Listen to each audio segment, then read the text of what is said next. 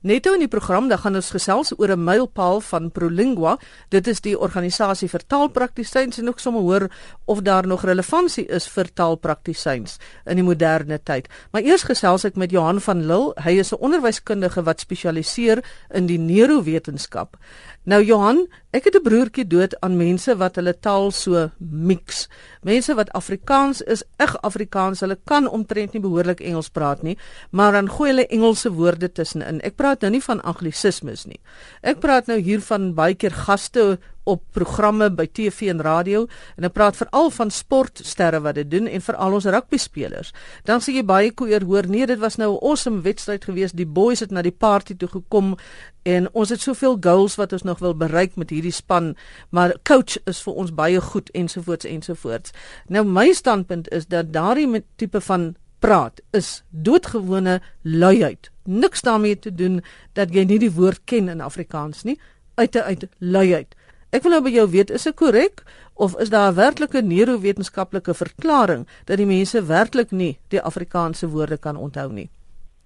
Helaas moet ek nou vir jou sê dat dit jy eintlik verkeerd is as jy sê dit is net luiheid, want die belangrikste ding wat ek dink ons die afgelope 10 jaar van 'n bietjie meer dalk van die brein geleer het is dat die die brein is 'n plastiese orgaan vir leer. Nou die Engelse woord is neuroplasticity of is maar neuroplastisiteit. Dit beteken maar net dat funksies en bedrading in die brein voortdurend skuif en plaasvind. So as 'n mens begin en jy leer, weet jy, jy werk in 'n ander omgewing, dan is die brein waar 'n ander taal is, die brein letterlik besig om homself weer her te bedraad en en her te isoleer en en nuwe paadjies te vorm.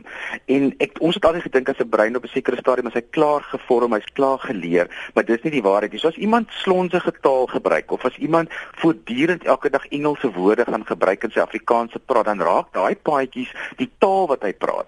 En dan begin daai draadjies in die brein begin dan geïsoleer raak en dit is dan op die ou en jou taal en jy kan dit later nie verander nie want die brein leer deur herhaling, vaslegging en patrone. Nou as jy 'n slonsige taalpatroon het, dan word dit jou taal en dit is jou brein dan bedraad word en jy kan dit dan later nie meer help nie. Jy dit is hoe jy praat want dan het jou taal 'n slonsige taal geword en dit is wat die brein prosesseer.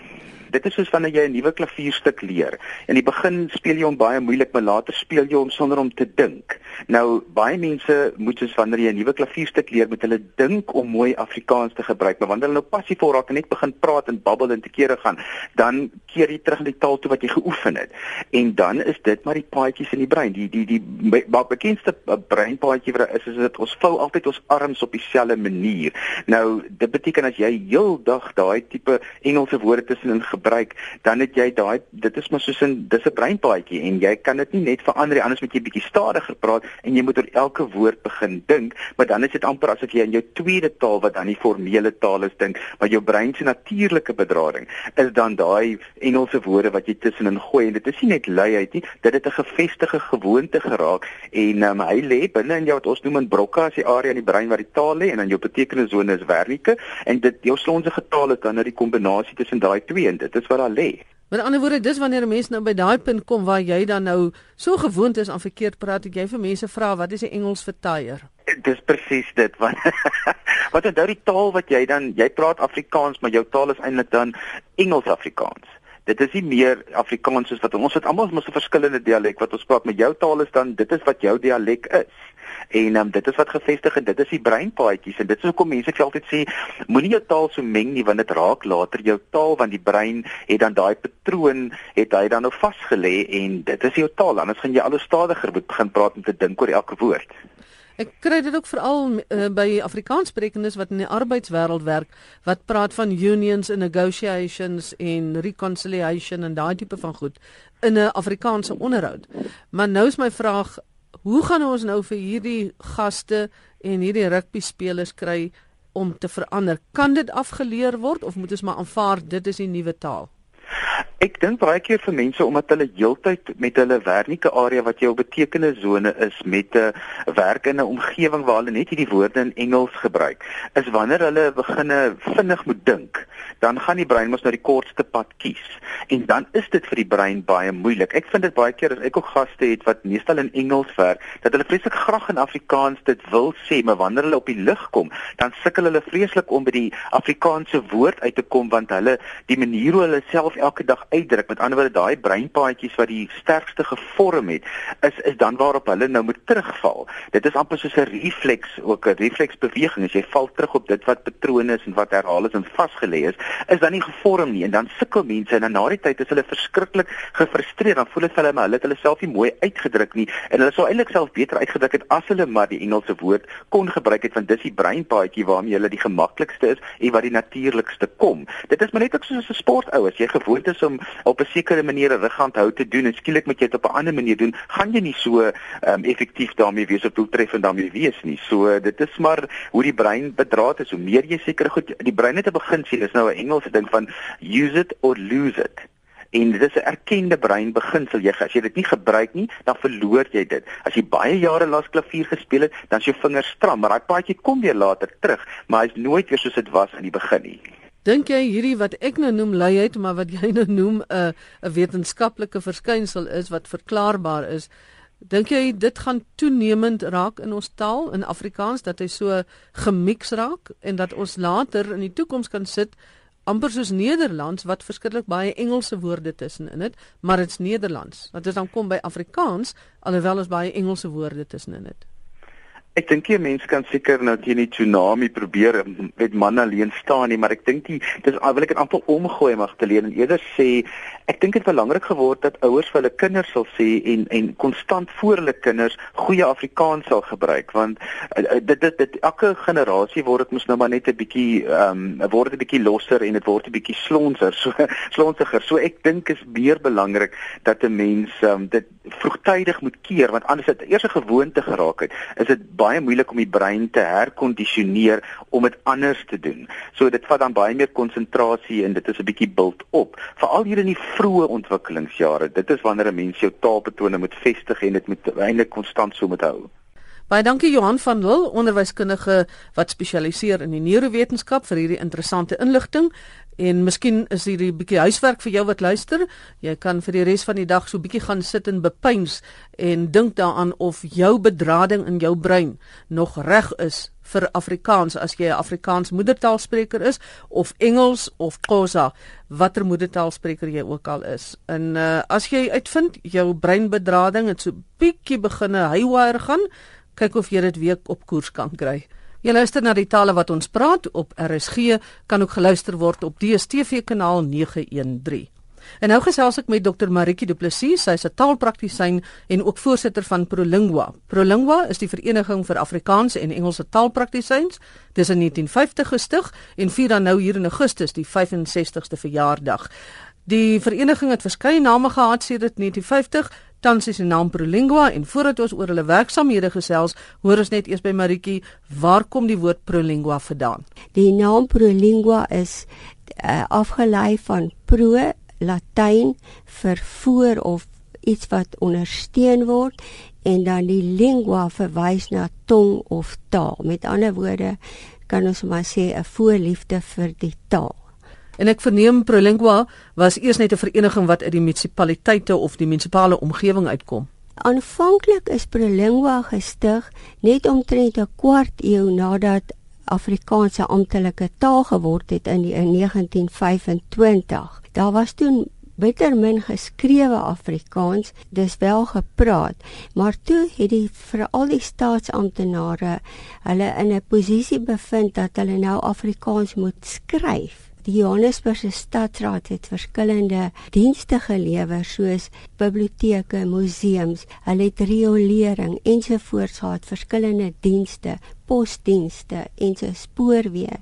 En skielik moes daardie mense terme vir die gebiede skep en dit was oorwegend 'n Engelse omgewing. Die eerste naam van Prolingua was dan ook die Transvaalse Vereniging vir Munisipale Werkers. Nou as jy mens nou kyk vandag na uh, iets soos 'n vereniging vir taalpraktisyns, Engels, Afrikaans en dan nou op die periferie ook die ander tale begin inbring. Is daar nog 'n behoefte daaraan? Want as mens kyk hoe die taal gebruik agteruit gaan onder die verbruikers, mens vind dit ook al by professionele instansies. Kyk, ons het nog nie 'n punt bereik waar daar geen vertalings in Afrikaans nodig is nie, want in hierdie Engelse golf is daar genoeg Afrikaanse eilande wat behoefte het aan Afrikaans. En solank daardie behoefte daar is, gaan Prolingua voortbestaan, want sy hoofdoel is om terme te skep. En terme word geskep vir vertalings, vir geen ander rede nie. En daar's byvoorbeeld baie versekeringsinstansies en daar is ook baie mediese fondse en ander instansies wat met die oog op besigheid, maar wat hulle kliënte respekteer en dan ook soos polisbewoordinge, polisse wat baie belangrike inligting bevat aan Afrikaans en Engels beskikbaar stel. Ook mediese fondse wat in Afrikaans en Engels kommunikeer. Dit maak nie saak of daar 1000 instansies is wat Afrikaans se vertalings gebruik nie en of dit nou net een instansie is. Solank daar instansies is, het Prolingua sy doel. En dan moet ons ook onthou, daar gaan nou 'n groter behoefte aan vertaling ontwikkel want die nuwe wetgewing van die regering is natuurlik op 'n meertaligheidsbeginsel gerig en dit gaan ook werk skep vir vertalers en werk genereer al is dit dan nie net suiwer Afrikaans nie dit gaan die ander tale ook beïnvloed Maar dit is vir my verblydend om te hoor dat daar sakeondernemings is wat nog geïnteresseerd is om hulle kliënte in Afrikaans te bedien. Maar iets wat weer nie so verblydend is nie uit my ervaring is dat kliënte of sakeondernemings nie meer advertensies in Afrikaans skep nie of nie meer bereid is om dit te vertaal in Afrikaans nie.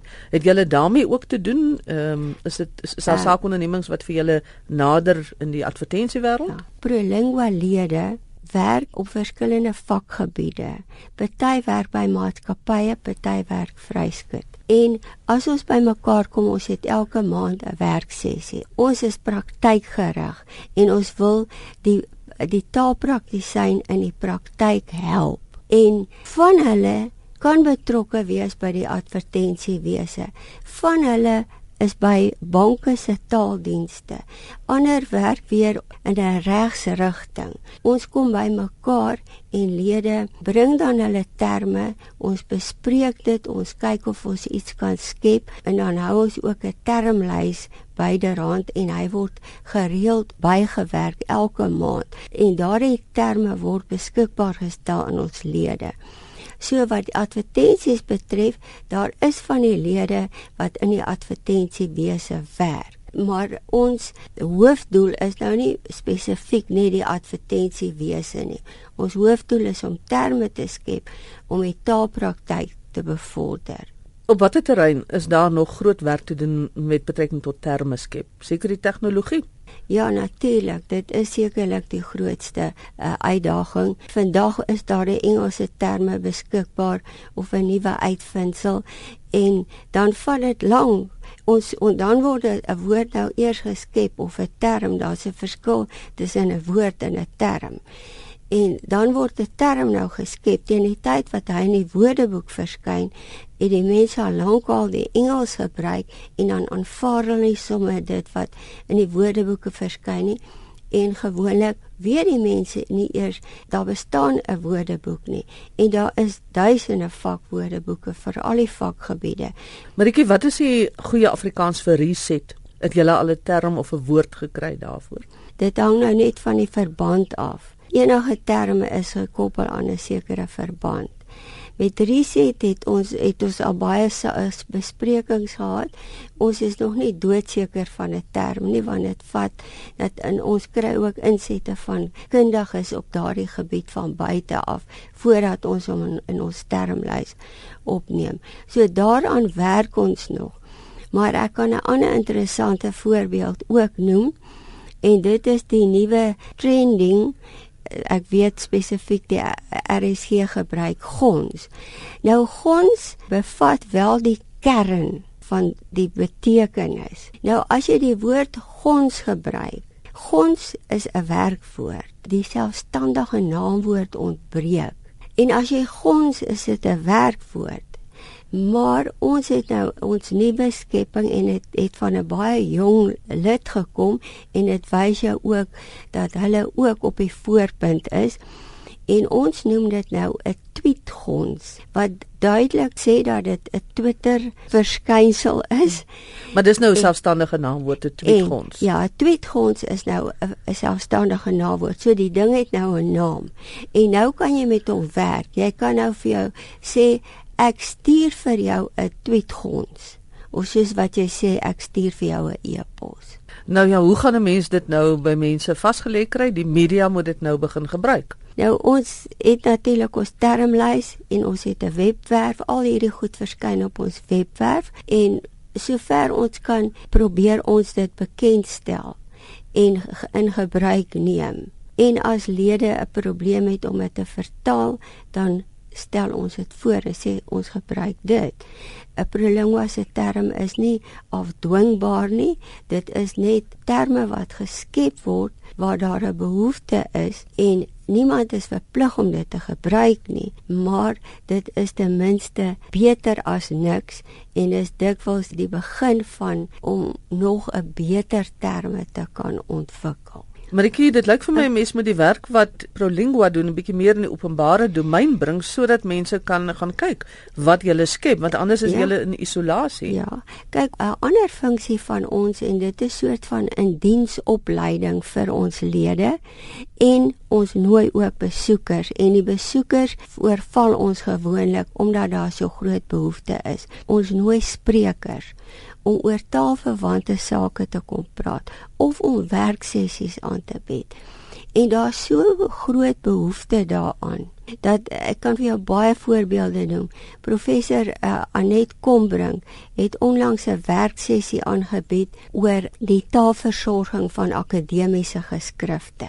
Ons het onlangs 'n baie interessante spreker gehad, meneer Koot Bosman van Pretoria Universiteit en hy het gesels oor mediese terme en die Latynse en Griekse oorsprong daarvan. En as ons sulke werksessies aanbied en sprekers het, ons het gewoonlik nie eers altyd genoeg plek om almal te huisves nie, want daar is so behoefte omdat taalwerkers in isolasie werk. Daarom is dit vir hulle so belangrik. Hulle kom daar al elke bietjie kennis wat hulle kan inneem en in hulle vakgebied kan gebruik, gryp hulle aan. Jy verwys nou na term en jy verwys na woord en jy het vroeër in die gesprek ja. vir my gesê daar's 'n onderskeid tussen ja. die twee. Ja. Wat is die onderskeid? Gee vir my voorbeeld. As ek praat van terme dan het dit gewoonlik met 'n studiegebied te doen. Die maklikste voorbeeld om nou te noem is byvoorbeeld e-pos. Nou e-pos is 'n term. 'n Term het 'n spesifieke betekenis. Hy word in 'n spesifieke konteks gebruik. En Prolingua probeer ook terme standaardiseer sodat daar een term is vir 'n sekere begrip wat deur almal gebruik kan word. Dit is standaardisering is baie belangrik. Maar nou is daar mense wat begin hulle dink nou hulle moet 'n mooi woord skep vir e-pos. Dan skep hulle 'n woord en nie 'n term nie, soos vonkpos. Nou vonkpos is pragtig en dit werk in die gesproke taal. Maar nou kan jy dit nie in 'n geskrewe taal in 'n formele dokument gebruik nie.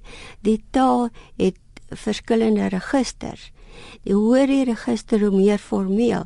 As jy byvoorbeeld 'n dokument het, 'n regsdokument, gaan jy nie daardie woord vonkpos gebruik nie, dis 'n woord. Jy gaan e-pos sê want e-pos is 'n term en ook as jy nou hierdie mooi woord vonkpos het en 'n Engelssprekende moet dit vertaal. Hoe gaan hy weet dat dit e-pos is? So en soos met mediese terme, jy kan nie nou skielik besluit ons hou nie van die woord longe nie. Kom ons skep nou 'n mooi woord. Longe, hart, al die mediese terme is dit 'n vaste betekenis. En dit gaan nie 'n vertaling gaan nie net om mooi woorde te skep nie. Dit kan gebeur soos byvoorbeeld met tweetgons. Dit hang af van die behoefte.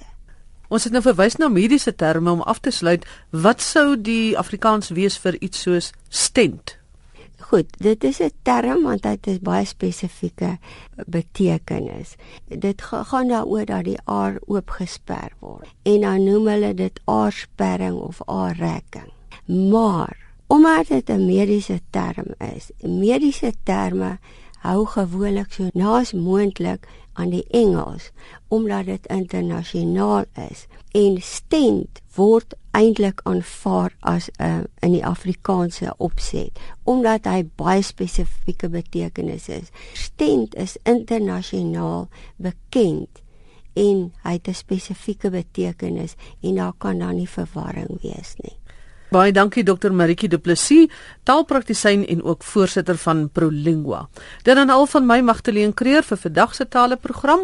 Geniet die res van die dag in die geselskap van RSG.